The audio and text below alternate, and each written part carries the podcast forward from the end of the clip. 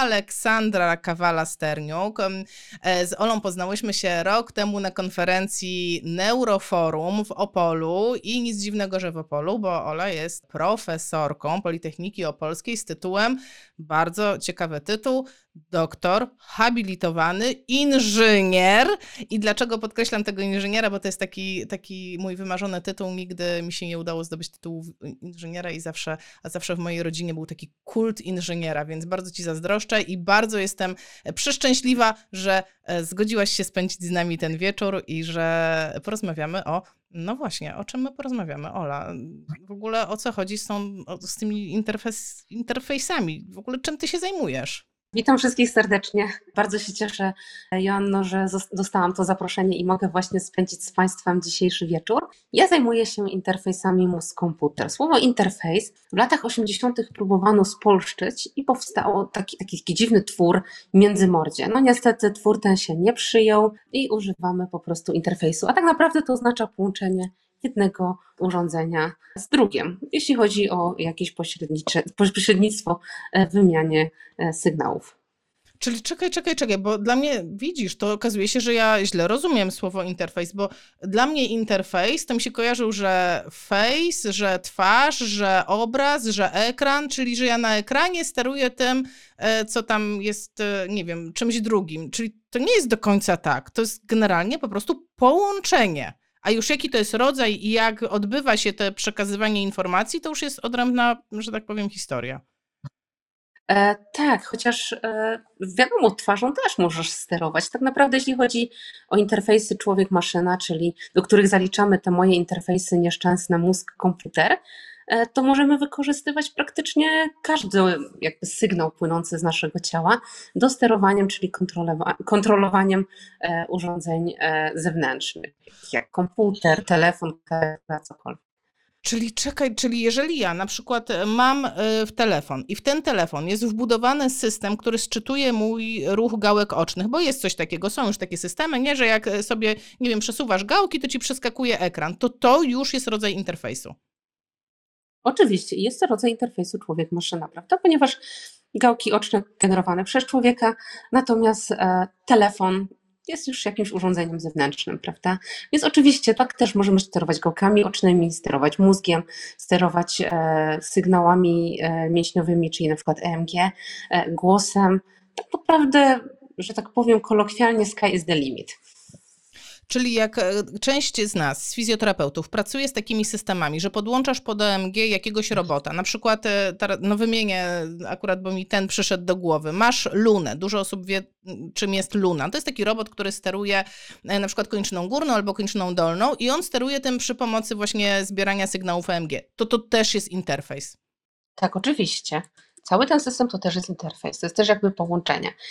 I jest to, wydaje mi się, też bardzo popularne, jeśli chodzi o tak zwane neuroprotezy, e, gdzie na przykład przy zakończeniach nerwowych, na przykład kończyny amputowanej, nadal generowane są jakieś impulsy, sygnały, które można przełożyć e, na tak zwane sygnały sterujące do sterowania właśnie czy neuroprotezami, czy komputerami, czy jakimkolwiek właśnie urządzeniem, że tak się powtórzę. No to jeżeli mówimy o... Pro... Więc jeśli chodzi na przykład o no to to jest właśnie oparte o, też o EMG, czyli także o elektryczną aktywność prawda, mięśniową. Podobnie jak niektóre interfejsy człowiek, e, boże, człowiek, e, mózg, komputer też może być właśnie z powodzeniem stosowana choćby w tej neurorehabilitacji. I myślę, że te nowe systemy, systemy hybrydowe, one nie będą opierać się tylko na jednym źródle sygnałów biologicznych, takich jak EMG, ale będą sobie łączyć mowę, e, sygnały mózgowe. Dlatego, dlaczego? Dlatego, że to, co generuje nasz organizm, ma tak zwany niestacjonarny charakter. Nie jesteśmy w stanie przewidzieć, jakie będą, można powiedzieć, następne wartości tych sygnałów, jakie będą amplitudy i jaka będzie jakość, bo nasz organizm sam w sobie e, generuje jakieś zakłócenia, czyli jedne sygnały zagłuszają drugie. To obniża w pewnym sensie e, ich jakość i przez to ten taki czynnik sterujący może być gorszy. Dlatego ja myślę, i tak może wyprzedziłam jakby cały ten tok naszej rozmowy, że przyszłością będą tak zwane systemy hybrydowe, które łączą różne sygnały po to, żeby ta jakość tego, tego mm, czynnika sterującego była jak najwyższa. Jeżeli nie zadziała jakiś sygnał mózgowy, to nie wiem, sygnał mięśniowy zastąpi lub głos. Głos wydaje mi się, tak patrząc e, na, na obecną młodzież, e, przykładowo, jeśli chodzi o obsługę telefonu, to zauważyłam, że większość z nich korzysta z Siri lub nie wiem, jaki jest odpowiednik w Androidzie, ale myślę, że też coś takiego jest. No i oni spokojnie sobie sterują głosem, wybierają. Ja jeszcze jestem z tego pokolenia, że jednak wolę nacisnąć słuchawkę i, i wykorzystać klawisze, ale interfejsy już za pomocą mowy czy gestów wydaje mi się, że są coraz to, ale coraz to bardziej popularne. No dobrze, ja zapisałam sobie systemy hybrydowe, ale zanim dojdziemy do hybrydowych, no to no nie odpuszczę. No musimy porozmawiać e, o tym, jak można bezpośrednio mózg połączyć z jakimś urządzeniem. No bo ja rozumiem, że jak łączysz, że zbierasz sygnał na przykład z EMG, no to mózg wydał polecenie, to polecenie doszło e, nerwami, czyli można powiedzieć też e, kabelkami do jakiegoś efektora i tak naprawdę to my zbieramy e, ten sygnał z pośredniego urządzenia, jakim jest ten mięsień. E, można to tak uprościć. E, tutaj bardziej chodzi o to, że przynajmniej w tym czym ja się zajmuję, o tą tak zwaną elektryczną aktywność. Bo wiadomo, że e, dane biologiczne mogą mieć różnoraką postać. Ja się skupiam na tych e, elektrycznych, jak elektromiografia, elektroencefalografia, czyli te nasze sygnały mózgowe, e, elektrokardiografia, chociaż do sterowania nigdy jej nie wykorzystywałam, czyli to, co elektrycznie generuje nasz organizm, bo my też jesteśmy jakąś taką formą elektrowni i też jesteśmy w stanie wyprodukować, można powiedzieć, że tak jakby prąd. No i w praktyce mogłabyś podać taki przykład rzeczy, nad którymi pracujesz? Może coś ci zapadło w pamięć, coś takiego spektakularnego, czy, czy coś, co będzie no tak naprawdę dla nas, dla fizjoterapeutów, y, taką rzeczą, że kurczę, tu jest przyszłość. E, bardzo interesuje mnie projekt właśnie realizowany jakiś czas temu w Bydgoszczy, bydgoski egzoszkielet, e, który był wykorzystywany do rehabilitacji i to był projekt autorstwa pani profesor Emilii Mikołajewskiej i pana doktora Dariusza Mikołajewskiego. E, pan Dariusz jest e, ekspertem od e, interfejsów mózg-komputer, zajmuje się analizą sygnałów mózgowych i jest informatykiem z wykształcenia, tak jak ja. Natomiast pani profesor Emilia Mikołajewska jest fizjoterapeutką i razem jak łączą swoje siły, to wydaje mi się, że jeśli chodzi o Polskę, to jest to bardzo ciekawy projekt. I z tego, co ja się tak orientuję, nie mamy aż tak wielu, e, jeśli chodzi o e, rozwiązania techniczne, ponieważ tak, z jednej strony technika idzie do przodu, wszystko się fantastycznie rozwija, a z drugiej strony, tak analizując te ostatnie 60 lat, ponieważ interfejsy mózg-komputer istnieją od ponad 50 lat, praktycznie 60, mm, postęp w nich nie jest aż tak e, wielki. I nie zauważyłam jeszcze jakby w Polsce, żeby u nas były kreowane takie systemy typowo sterujące. Są różne jakieś projekty sterowania włoskim, inwalidzkim, czy właśnie tym egzoszkieletem bydgoskim, ale nie jest to jeszcze, to nie są to jeszcze interfejsy, które byłyby tak e, bardzo niezawodne, żeby można e, było je wykorzystywać. I jak to wygląda? Interfejsy możemy mózg komputer podzielić na dwa rodzaje. Widziałam charakterystyki, gdzie były podzielone na e, trzy, czyli inwazyjne, nieinwazyjne i półinwazyjne, ale półinwazyjne również wymagają pewnej interwencji chirurgicznej, dlatego ja uważam, że również należy je sklasyfikować jako tak zwane inwazyjne interfejsy e, mózg-komputer. I te, którymi ja się zajmuję, aktualnie kieruję projektem Banana, jest to projekt finansowany przez Chistera 2020, e, funduszy europejskich. My zajmujemy się szacowaniem uwagi afektywnej e, jako reakcji na, na myśli użytkowników, więc my jako tako nie sterujemy. Ale jeśli chodzi o takie. E, czekaj, czekaj, ciekawe... czekaj, co to jest? Co to jest ta uwaga afektywna? Teraz musisz się wytłumaczyć przed nami. Jeżeli jesteśmy w tłumie i o czymś myślimy, oglądamy, to zastanawiamy się, jak te nasze myśli są interpretowane. I nie wiem, czy faktycznie większość użytkowników zauważyła, że jak o czymś myślimy, czegoś wyszukujemy, to potem pojawiają nam się e, w odpowiedzi na to reklamy personalizowane. My akurat nie robimy reklam, tylko bardziej ocenę emocji w grupie e, badanej większej ilości osób na jakieś obrazy o wydźwięku negatywnym lub pozytywnym e, i bardziej staramy się właśnie zinterpretować i znaleźć jakiś taki wspólny mianownik e, właśnie odpowiedzi sygnałów mózgowych negatywnymi, no chociaż to z punktu psychologicznego powiedziałam teraz nieprawidłowo, bo nie ma dobrych czy złych emocji, ale powiedzmy o negatywnych i pozytywnych odczuciach, reakcjach na właśnie jakieś obrazy. A czy to jest też e, w jednym worku z taką reakcją, że nie wiem, na przykład myślisz sobie, idą święta, ale fajnie by było, nie wiem, dostać, e, nie wiem, torebkę X, tak?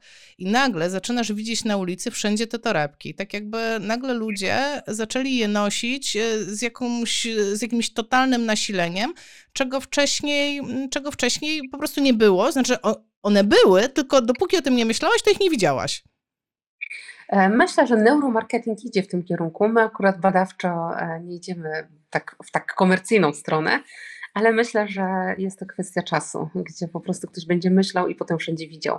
Ja zauważyłam, ponoć w Androidach jest to e, silniejsze niż w iPhone'ach, że zdarza mi się przy wyłączonym telefonie, znaczy wyłączonym, który nie, nie rozmawiam przez telefon, on sobie gdzieś tam leży, rozmawiać o jakimś miejscu, do którego chciałabym pojechać i nagle dostaję po prostu reklamy bookingu, nie bookingu z noclegami i uważam, że jest to w pewnym sensie przerażające. Więc ja myślę, że jeśli technika pójdzie do przodu, to, to pójdzie w tą stronę, ale jak na razie e, ten rozwój e, tych interfejsów mózg-komputer, e, który został zapoczątkowany przez Jonathana Wopała, E, miałam okazję poznać ten autorytet w roku 2016 na BCI Meeting e, w Kalifornii, w Montreal, e, który zaczął się od tych inwazyjnych interfejsów, czyli tych, które wymagają jakiejś właśnie operacji chirurgicznej, aby wszczepić elektrody. I brzmi to dość masakrycznie, ale taki sygnał jest dużo lepszej jakości niż sygnał oparty o EEG lub spektroskopii z podczerwieni, z których ja korzystam, ponieważ kiedy mamy elektrody w głąb mózgu, sygnał jest silniejszy. Jeżeli natomiast używamy tych powierzchniowych, no to, to powiedzmy, że te sygnały o niskiej amplitudzie e, muszą po prostu przejść przez wiele różnych warstw i to już jakby je osłabia, no ale jest to bezpieczne. No ale z tego, co mówisz, to wynika, że żeby w ogóle ta technologia zaistniała, no to człowiek musi mieć zainstalowany jakiś, nazwę to odbiornik, czytnik, nie wiem jak to nazwać, boję się użyć słowa chip, bo ma dosyć negatywny wydźwięk po y, wydarzeniach ostatnich lat, ale że muszę mieć coś albo na zewnątrz, albo wewnątrz wręcz e, wszczepione. I co to w praktyce jest? Jak, taki, jak takie urządzenie wygląda? Ja w ogóle nie mam w ogóle pojęcia. Jeśli chodzi o te wszczepione, no to są takie małe elektrody, które są wszczepiane na przykład na powierzchni mózgu lub w głąb. Niektóre nowocześniejsze, bo wiadomo, że jak damy obce ciało, tkanka wokół z czasem umiera, więc e, po prostu niektóre powiem, że instytucje badawcze, na przykład ze Stanów Zjednoczonych, e, stworzyły takiej nowszej generacji elektrody, które troszeczkę się przemieszczają tak, żeby, żeby jednak e, ta tkanka pozostała jak najdłużej żywa czy zdrowa. Natomiast my tutaj, jako informatycy, ponieważ nie ukrywam, że e, no nie chciałabym trafić do więzienia za uszkodzenie kogoś, czy angażować rzeszy neurochirurgów, używamy technik czasu na spektroskopii podczerwieni, są to niedrogie rozwiązania, bezpieczne, nieinwazyjne, nie generujące żadnych jakichś fal e, czy szkodliwych e, substancji, więc wydaje mi się takie optymalne i stosunkowo niedrogie. Takie zabawkowe urządzenia do interfejsu mózg-komputer można już kupić za paręset dolarów. To są urządzenia Emotive, e, GTEC, na przykład Unicorn Hybrid Black za w granicach 1000 euro austriackiej firmy. Miałam też do czynienia E, z urządzeniami e, firmy OpenBCI, to jest taki bardzo sympatyczny amerykański startup i oni też robią niedrogie te urządzenia w tych granicach 5 do 10 tysięcy złotych e, z różnymi rodzajami elektrod, od elektrod aktywnych po elektrody te pasywne, które wymagają już jakichś tam żeli czy maści, ale żeby móc zająć się tym, czy jakby pobawić, ja nie mówię o takiej klinicznej doskonałości danych, E, to naprawdę nie trzeba e, aż tak wielkich nakładów finansowych. I my w ramach projektu używamy właśnie tańszych po to, żeby z jednej strony spełnić to kryterium e, tego ogłoszenia projektowego, którym było E, wyciągnięcie tych interfejsów mózg-komputer z tych środowisk laboratoryjnych. Bo naprawdę naj, najfajniejsze właśnie, byłoby wykorzystanie takich typowych elektroencefalografów, zamknięcie tego bydnego pacjenta w klatce Faradaya, żeby nie było żadnych zakłóceń, tylko to nadal nie jest takie środowisko naturalne, takie w jakim e, my mamy do czynienia, z jakim powinniśmy mieć do czynienia na co dzień, jeżeli chcielibyśmy, aby te interfejsy zyskały jakąś taką większą popularność w społeczeństwie. Czyli w praktyce to jest jakaś, jakiś przedmiocik, jakaś elektrodka, którą się przykłada gdzieś do głowy, zakładam. Czepek. Czepek jest czepek.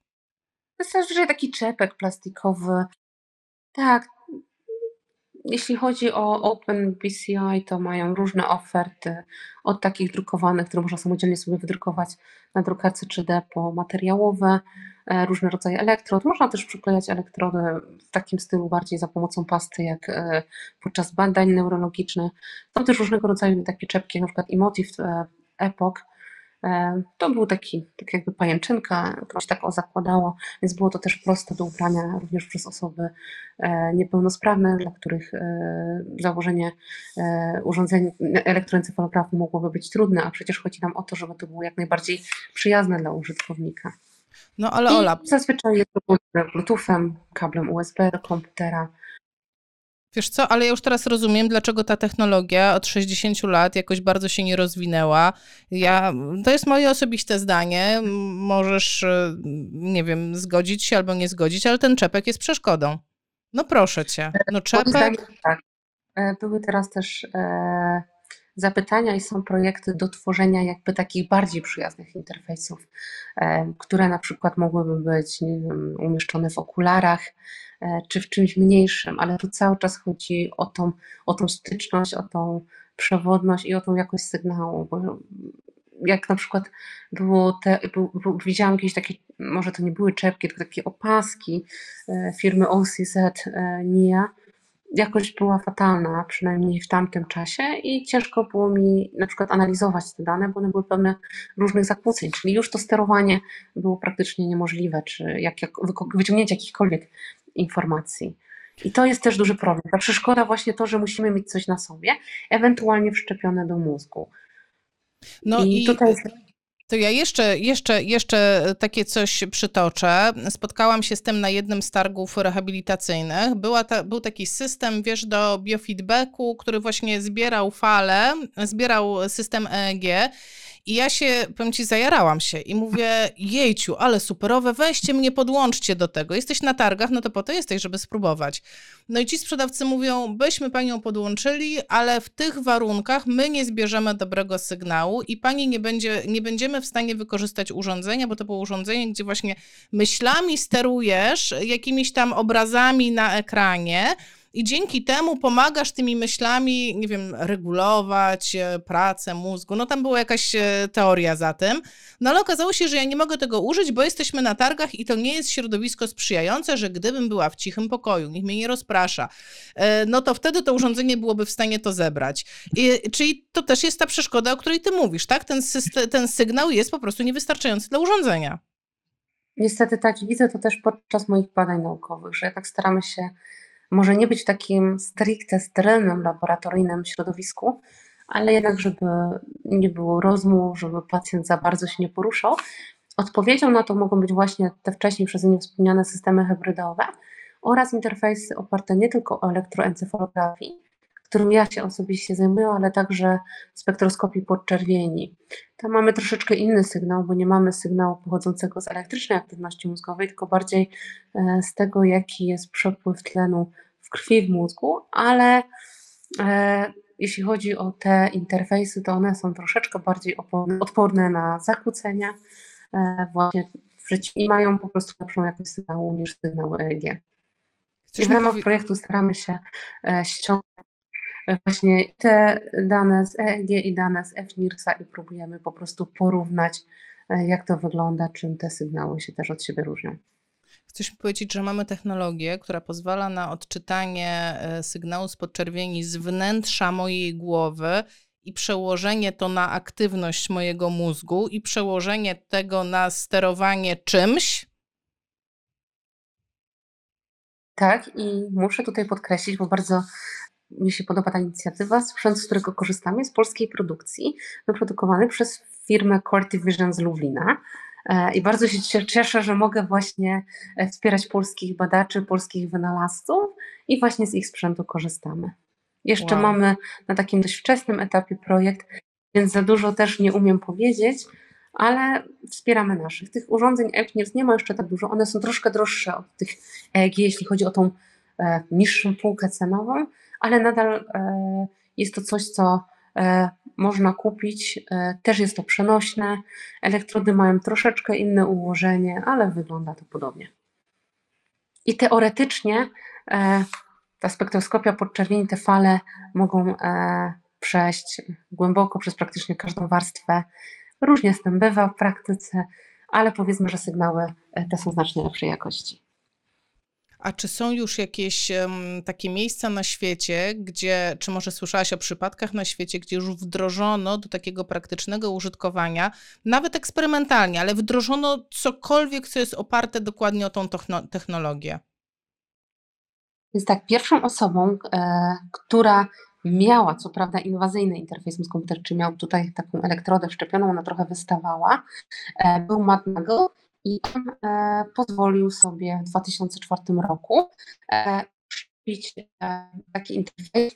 Matt Nagel e, był właśnie takim podmiotem badawczym firmy Cyberkinetics i używał interfejsu właśnie firmy BrainGate. E, został ofiarą e, bójki w barze, przez to był sparaliżowany e, od szyi w dół.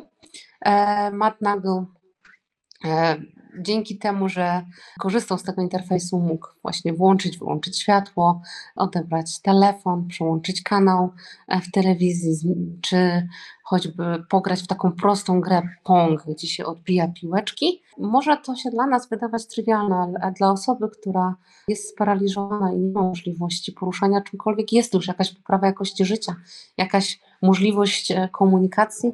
E, niestety Matt Nagel w 2007 roku zmarł w sepsy. E, myślę, że też w pewnym sensie osoby, które mają w jakiś sposób uszkodzony układ nerwowy, po prostu mają często słabszą odporność. Miał odsłonięty na stałe ten kawałek mózgu ze względu na ten właśnie umieszczony interfejs człowiek-maszyna. Mm, badania głównie też były prowadzone na Uniwersytecie w Pittsburghu, w Schwarzlabie e, w Stanach, gdzie akurat e, małpką wszczepiono również inny interfejs i mocowano dodatkową kończynę, tak żeby mogły nauczyć się jeść i korzystać z niej zupełnie jakby to była ich na przykład trzecia ręka. Bardzo też ciekawy był Ale czekaj, czekaj, czekaj, czekaj, stop, nie, małpki, nie, nie, nie, Ola, stop, stop, stop. Brauna. Czekaj, czekaj, czekaj, małpki, nie, musimy o tych małpkach. I Halo, halo, halo, tu ptasie radio. Ola, małpki, nie, ja muszę o tych małpkach. Czyli tak, czy doczepiali im, tym małpkom doczepiali rączkę, kończynę całą im, nie ich doczepiali? Co robili tym małpkom? Taką no, tak. Jaką? Bo tak troszeczkę zakłóciło. Przywiązywali łapki. No brzmi to dość drastycznie. No. I do, Przepraszam. Więc małpką przywiązywano dodatkową, znaczy przymocowano dodatkową mechaniczną, taką sztuczną kończynę. Ich łapki na początku były związane tak, żeby nauczyły się za pomocą sygnałów mózgowych korzystać z tej dodatkowej swojej ręki, czy tej jakby takiej protezy i na przykład jeść. I, I nauczyły to się? muszę powiedzieć. E, funkcjonowało e, po jakimś czasie nigdy nie interesowałam się interfejsami mózg komputer, jeśli chodzi o zwierzęta, ale uważam, że przypadek tych badań prowadzonych od roku 2010 właśnie na Uniwersytecie w Pittsburghu jest bardzo ciekawy. Wiesz, od razu mi się otwiera taka klapka, e, że kolejny... może, może to jest droga, wiesz, jak ludzie tracą władzę w jakiejś kończynie po wypadku czy po udarze. Bardzo ciekawe rozwiązanie. Tak, i do tego to można wykorzystać. Też na Uniwersytecie Brauna kilka lat później, nie, nie pamiętam, ale opublikowano te badania w Nature.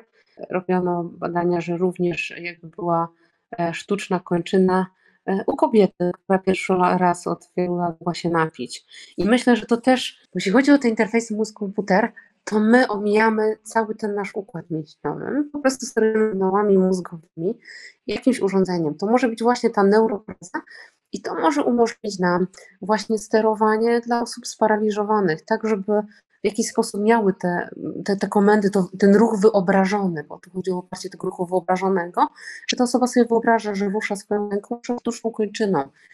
I właśnie takie samo napicie się e, Coca-Coli, e, czy, czy gra właśnie w prostą grę, to, to potrafi w moim odczuciu odmienić życie e, wielu osób. I wydaje mi się, że jest to właśnie ta droga, którą powinien iść rozwój interfejsów mózg-komputer. No brzmi, brzmi kosmicznie.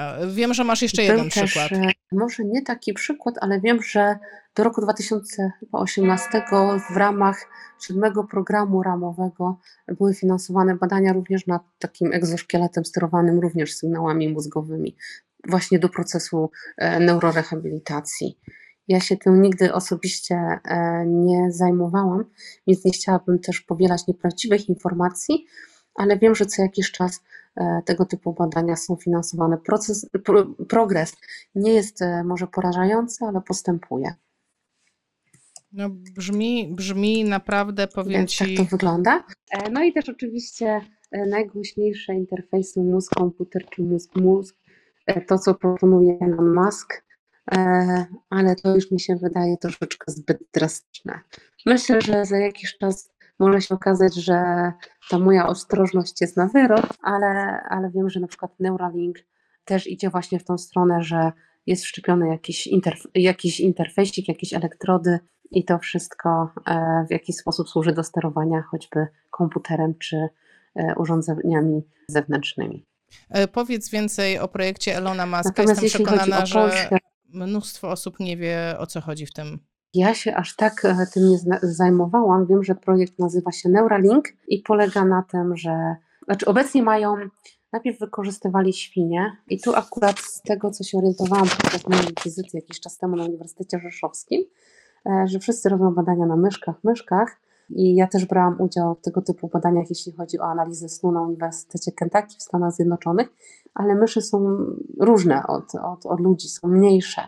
Więc z tego, co słyszałam od weterynarzy czy badaczy, którzy zajmują się badaniami nad zwierzętami, świnie są e, zbliżone do ludzi e, i są jakby najlepszymi obiektami. Natomiast jeśli chodzi o Elona Muska, to e, jego pierwsze takie badania na ludziach są otwarte i można się zarekrutaować wchodząc na stronę neuralink.com, gdzie ma być taki malutki implant, niewielki właśnie wszczepiany i będzie go można używać wszędzie, gdzie nam się to podoba, e, także do sterowania na przykład e, jakimiś robotami, czy jeśli chodzi o jakieś rozwiązania też telemedyczne. E, więc tak to wygląda. Na razie rejestrują pacjentów. Jest to kontrowersyjne, zresztą sam Elon Musk jest osobą kontrowersyjną i wydaje mi widzowie, słuchacze, jeśli chodzi o branżę IT, czyli tą, w której ja się obracam, czy moich studentów, osoby, z którymi mam kontakt, to akurat e, każdy się e, tutaj e, tym interesuje i to w sumie od moich studentów usłyszałam o tym projekcie Mózg Komputer Neuralink, żeby wykorzystać niedrogie urządzenia, żeby to było przenośne i żeby było wszczepione na stałe. Trochę taka wizja naprawdę jak wszczepy z Sam cyberpunka. implant jest niewielki, Tak, albo jak e, w niektórych odcinkach serialu e, Black Mirror na Netflixie. E, niektóre urządzenia, które były prezentowane, teraz już nie pamiętam, który to był odcinek, były bardzo podobne do tych, które używam w pracy. I było to trochę przerażające. Ale można się zarejestrować, można wejść na stronę Neuralink i, i zobaczyć. Mi się podoba opcja wykorzystywania sygnałów do rozwiązań telemedycznych, czyli w miejscach. E, brakuje teraz specjalistów, wysoko wykwalifikowanych chirurgów i myślę, że taki chirurg siedząc jakby w jednym miejscu e, mógłby operować w miejscach trudniej dostępnych, nie wiem, na przykład kiedy wymagany jest taki zabieg e, na jakichś misjach naukowych, Antarktyda, nie Antarktyda, bez narażania jakby tego zespołu lekarskiego. No i wiadomo, robot jest precyzyjny, robot się nie męczy, więc e, może ryzyko jakichś takich e, błędów byłoby mniejsze. Ale jest to niestety pieśń jeszcze przyszłości, chociaż trzymam kciuki za, za rozwój e, właśnie tego typu też kierunków, nie tylko neurorehabilitacji, ale może właśnie również chirurgii z wykorzystaniem tych sygnałów. No a wspomniałeś, Ręka nie że, zadrży. Wspomniałeś, że też e, masz taki dyskomfort, e, widzisz pewne zagrożenia związane z tą technologią, bo tak wiesz, pół godziny rozmawiamy i słodzimy, słodzimy, jakie to super, ile to jest możliwości, no ale możliwości zazwyczaj są i te dobre, i te niedobre. Tak samo jak mamy teraz obawy na punkcie AI, tak? W którym kierunku to pójdzie, czy to będzie tak naprawdę z korzyścią dla ludzkości, czy może wręcz przeciwnie. E, jakie jest Twoje zdanie na temat zagrożeń związanych z tą technologią?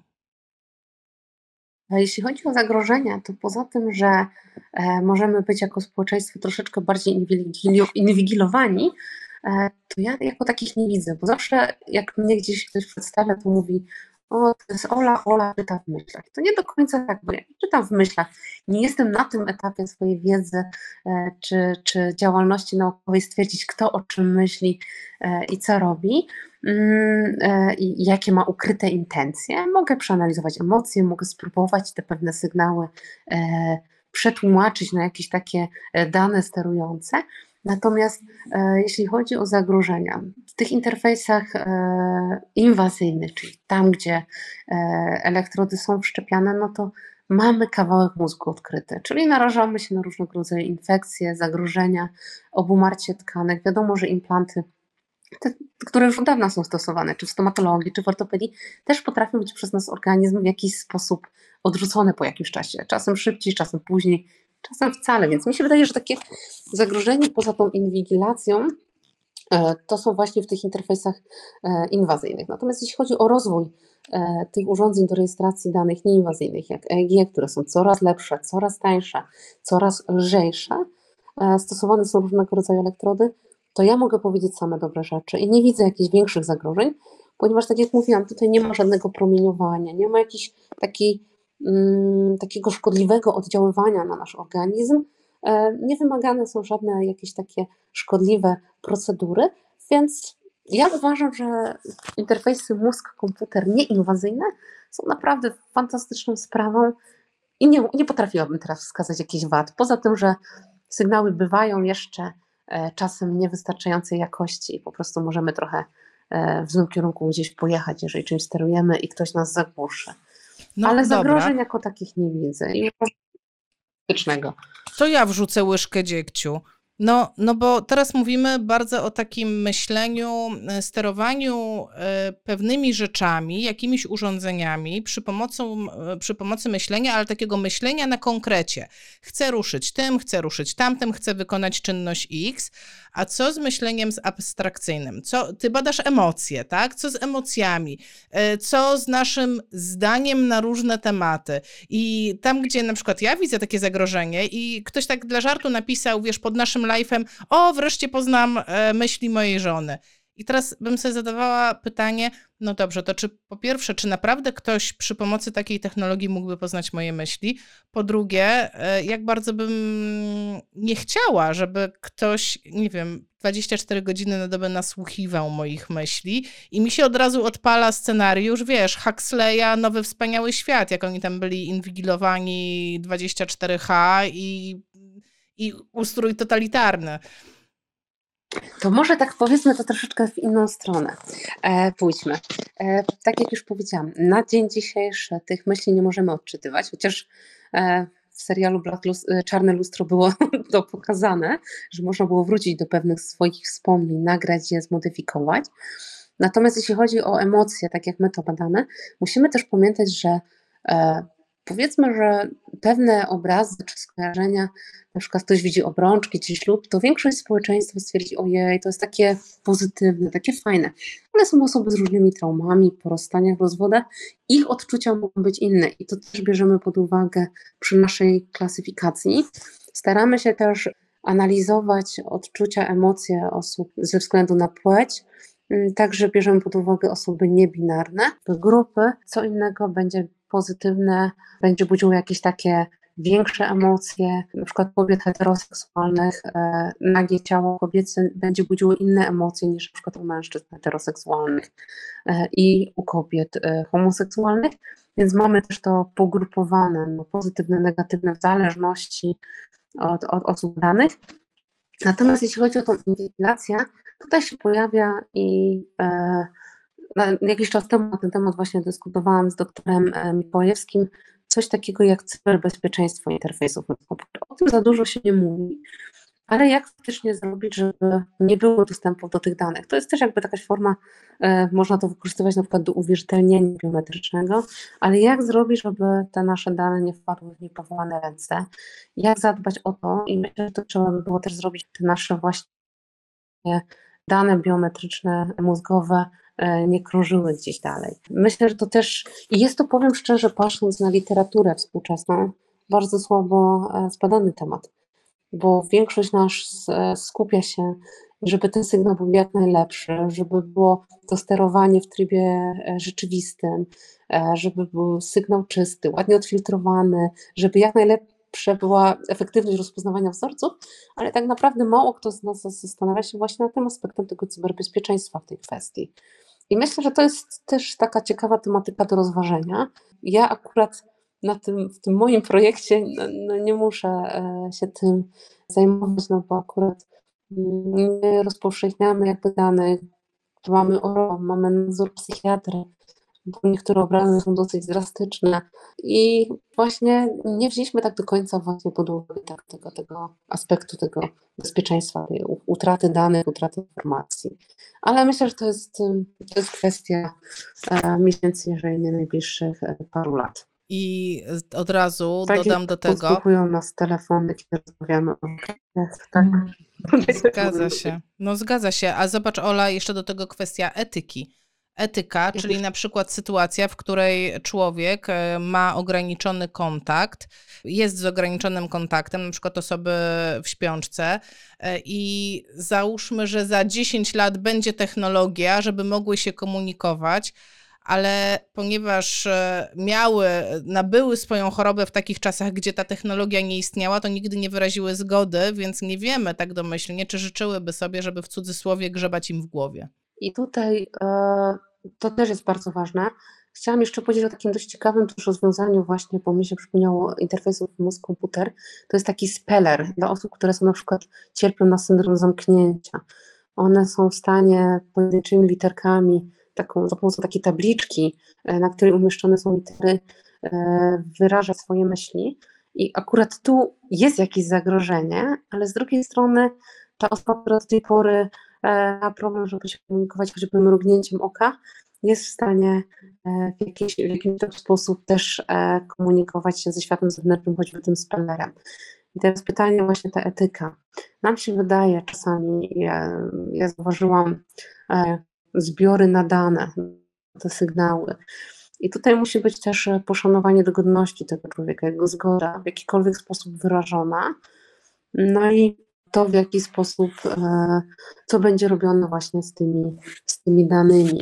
I czy taka osoba wyraża zgodę właśnie na dalsze analizy. Właśnie może ten speller byłby takim rozwiązaniem, żeby te osoby mogły wyrazić swój, swoją zgodę lub sprzeciw na, na udział właśnie w doświadczeniach.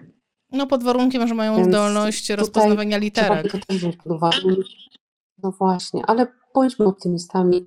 Myślę, że taką tablicę raczej dajemy osobom, które potrafią czytać, ale jest to też ciekawy taki aspekt do rozważenia. Czasami na czym zafiksujemy, tak jak ja właśnie, tak jak już powiedziałam wcześniej, na tej czystości tych danych, na tym, żeby one były jak najlepsze, a właśnie nie, nie bierzemy e, pod uwagę innych rzeczy. No i też ta etyka, etyka badań właśnie, czyli nie badamy osób małoletnich, e, staramy się, my pracujemy akurat w moim projekcie z osobami zdrowymi, które nie cierpią na żadne poważniejsze schorzenia. E, no i cały czas jesteśmy też monitorowani przez Komisję Bioetyczną. Akurat my mamy ją z Uniwersytetu Kazimierza Wielkiego w Bydgoszczy i kieruje nami e, psychiatra, znaczy chodzi o ten aspekt bioetyczny, profesor Edward Jacek Bożolańczyk. E, który od wielu lat właśnie z nami współpracuje, wspiera, wspiera naszych pacjentów, e, tak żeby czuli się komfortowo, czuli się bezpiecznie, no i żeby e, nie było jakiegoś tam niebezpieczeństwa, żeby coś negatywnie nie wpłynęło. A jak myślisz, jaki jest następny, tak to... jaki jest następny krok w rozwoju tej technologii? Co nas czeka teraz w najbliższej przyszłości? Myślę, że po pierwsze, mam nadzieję, że wreszcie powstaną te urządzenia nieinwazyjne, które będą rejestrować naprawdę bardzo wysokiej jakości sygnały. Druga rzecz, wyniesienie tych interfejsów mózg-komputer poza środowisko laboratoryjne, czyli nie ubieramy jakiegoś niewygodnego czepka, w którym wyglądamy dziwnie, tylko mamy jakieś dyskretne elektrodki w okularach, czy w jakimś, na przykład w koczyku, klipsie, gdzieś, gdzie będziemy w stanie pobierać te dane. Tu jest akurat problem, bo ciężko jest coś wrzucić na górę w tych miejscach, gdzie rejestrujemy te sygnały. Inne to będzie komunikacja mózg-mózg i to się wydaje wało do niedawna czymś niemożliwym, ale na przykład jeśli chodzi o bezpośrednią taką interfakcję między mózgami, a nie mózgiem, a jakimś urządzeniem, na przykład dekodowanie polecenia z mózgu nadawcy poprzez EEG, była wykonana, gdzie odbiorca musiał wykonać jakieś polecenia za pomocą przeszczaszkowej stymulacji magnetycznej, miała miejsce już w roku 2014 i te interfejsy brain to brain, e, czyli rozszerzone takie interfejsy mózg-komputer, właśnie są rozwijane obecnie właśnie przez między innymi tą firmę e, Neuralink e, założoną przez e, Elona Muska i ta jego technologia ma pozwolić na zmianę ludzkich myśli w polecenia zrozumiałe nie tylko dla komputera, ale też dla innych użytkowników. Zobaczymy, jak to będzie szło. Tak jak już wspomniałam wcześniej, na razie poszukują ochotników i myślę, że takich ochotników znajdą. Były też organizowane jakiś czas temu przez Cisco warsztaty Future of Crime jednym właśnie z modułów e, to były właśnie wypracowania jakichś scenariuszy dla e, działań przyszłości, właśnie takich jak te interfejsy mózg-komputer i jakie, jakie są właśnie trendy, prawda? Więc tak to, e, tak to na dzień dzisiejszy wygląda. Ja się na razie przyglądam, rozwijam swoją wiedzę, jeśli chodzi o analizę i przetwarzanie tych sygnałów i czekam też na większe przełomy. Na razie wspieram właśnie polską firmę Core Division i będę chciała też stworzyć projekt, napisać projekt e, do analizy na przykład odpowiedzi na ból z wykorzystaniem interfejsów mózg-komputer. Jedna osoba powie, że ją boli bardziej, drugie mniej. Są stosowane te różne skale w szpitalach, prawda? Ja nawet ostatnio e, po jakiejś operacji dostałam taką linijkę, tam były buźki narysowane musiałam powiedzieć, jak to odczuwam. Ale tak naprawdę, żeby w jakiś taki sposób uniwersalny móc określić poziom faktyczny tego bólu, Myślę, że też możemy było do tego wykorzystać sygnały mózgowe, na przykład nieinwazyjne, żeby zobaczyć, czy ten poziom bólu jest faktycznie na przykład na poziomie siódmym, a nie na przykład na poziomie e, piątym lub na odwrót. I to też jest mój taki plan po zakończeniu tego projektu, żeby też pójść e, w tą stronę. Ola, to powiem Ci, no, Nobel to jest e, po prostu zakrawa na Nobla, dlatego że nie mamy obiektywnej możliwości oceny bólu. Na dzień dzisiejszy nie istnieje w ogóle taka możliwość. Ból zawsze jest deklaratywny, bo ból jest tym, co czujesz. Ty możesz mieć, ty możesz nawet teraz sobie, wedle tego, co jest we współczesnej definicji bólu, możesz sobie teraz przypomnieć jakieś wyjątkowo nieprzyjemne zdarzenie i odczuć te negatywne emocje, i to już może być tak naprawdę ból, i to jest wszystko zależne od od przefiltrowania przez nas. Tyle, ile powiem, tyle jest, więc gdyby się udało określić taką, stworzyć taką technologię, która w sposób taki e, po prostu obiektywny bada ci, czy to jest piątka, czy to jest szóstka, czy to jest siódemka, no to jest po prostu narzędzie petarda, także trzymam kciuki za, e, za ten projekt. Bardzo duże znaczenie miałby dla fizjoterapeutów i dla całej medycyny, uważam. I chciałabym właśnie najbardziej iść w tym kierunku w przyszłości. Zobaczymy, czy się uda, czy nie, ale będziemy próbować. Wspaniale. E, jeśli chodzi już tak, tak, tak teraz sobie przypomniałam, bo tak mówisz o tych zagrożeniach, ja tak w sumie nie poznaję nic złego, nie podobałoby mi się stosowanie tego w wojskowości. Zdalne sterowanie dronami, maszynami. E, jakoś jestem przeciwnikiem działań wojennych i tu chciałam powiedzieć, że tu widzę też jakieś takie zagrożenie, bo będzie łatwiej, prawda, jednak jak walczą maszyny, to, to działa tak jak działa. No i tak jeszcze tak podsumowując, interfejsy człowiek-maszyna czy mózg-komputer możemy wykorzystywać też do badań nad padaczką, możemy wykorzystać do badań snu. Tak naprawdę głównie, nie tylko w medycynie, ale także, e, także w, właśnie w, w rozrywce, możemy w rehabilitacji. E, jest, no, rozwiązań jest całe multum i tak naprawdę nie wiem, czy byłaby jakaś E, dziedzina naukowa, gdzie nie można by było ich wykorzystywać. Rewelacja. Powiedz mi, jeżeli ktoś nas teraz ogląda albo ogląda później i myśli sobie, kurczę, to jest bardzo fajne, podoba mi się. Może, może osoby, które prowadzą badania różnego rodzaju nad różnymi technologiami, różnymi zjawiskami, a może po prostu fizjoterapeuci, którzy chcą powiększyć swoją wiedzę, gdyby chcieli więcej dowiedzieć się na temat tego typu technologii, to czy są jakieś miejsca, gdzie można, nie wiem, doczytać, dooglądać, czego szukać, czym się interesować, żeby poszerzyć wiedzę w tej dziedzinie? Ja zazwyczaj robię taki łopatologiczny przegląd literatury. Po prostu e, wchodzę na PubMed i szukam najnowszych publikacji e, z takich wiodących ośrodków. Te wiodące ośrodki w Europie to jest Berlin, to jest e, Uniwersytet Graz w Austrii, Uniwersytet Lille we Francji. Tam można znaleźć bardzo dużo informacji. Powstaje też coraz więcej stron popularno-naukowych, gdzie można poszukać właśnie, jak to się wszystko rozwija. No i Uniwersytet San Diego, tam po prostu centrum. Tam zostało Wandsworth Center, e, powstał interfejs e, mózg-komputer e, i, i cały czas działania trwają właśnie nad ich rozwojem. Ja Wspaniale. szukam po prostu w literaturze, w publikacjach, no bo tak jak już wspomniałam, no nie ma tego jeszcze takich, tego, takiego zastosowania popularnego, e, gdzie po prostu każdy miałby taki interfejs w domu i grałby sobie no, w jakieś gry wideo e, z wykorzystaniem sygnałów mózgowych. Tego jeszcze nie ma i nie jest to e, niestety jeszcze tak popularne, ale to jest kwestia też myślę, że najbliższych lat. Przynajmniej patrzę optymistycznie e, w przyszłość. Ola, mam ciarki, najbliższych lat, czyli 10 lat, 20 lat, to nasze dzieci czy nasze wnuki? Ja myślę 5-10 lat. Nawet nie nasze dzieci. Był teraz taki call właśnie w Chisterze e, w roku 2020. On się pojawił w 2021 e, i w Europie były właśnie finansowane e, cztery projekty, w tym właśnie ten brain sourcing dla szacowania uwagi afektywnej, ten nasz projekt o skrócie banana.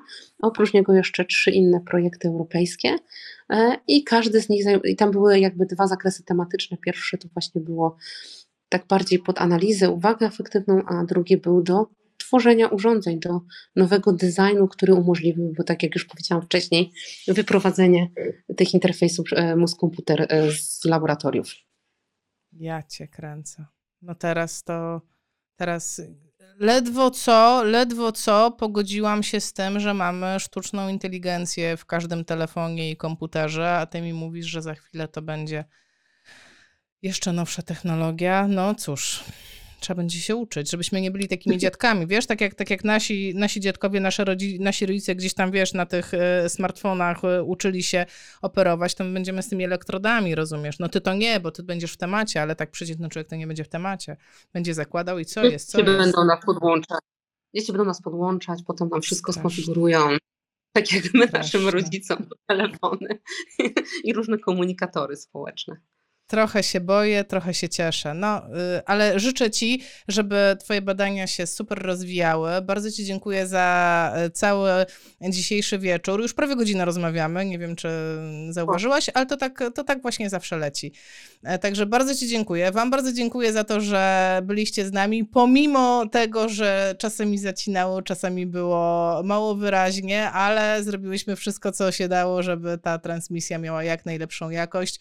A widzisz, no to jest też takie pewne ograniczenie. My tutaj o nowoczesnych technologiach, a tu Wi-Fi nie wyrabia, tak? Jeszcze wciąż się ścieramy z takimi jakimiś naprawdę niedoskonałościami technologii. Także trzymam kciuki za nas wszystkich, żeby tych niedoskonałości było coraz mniej. Było mi bardzo miło, Joanno, w ogóle z Tobą porozmawiać. Mam nadzieję, że spotkamy się niebawem też na żywo. No i że będziemy cały czas w kontakcie, tak jak jesteśmy. I bardzo, bardzo Państwu dziękuję e, za, za udział w tym wydarzeniu. I pozdrawiam wszystkich serdecznie. A w razie jakichkolwiek e, pytań, no to wystarczy wpisać moje nazwisko w Google i zapraszam do kontaktu. Bardzo dziękuję. Dziękuję Piszcie bardzo. i do zobaczenia w przyszłym roku.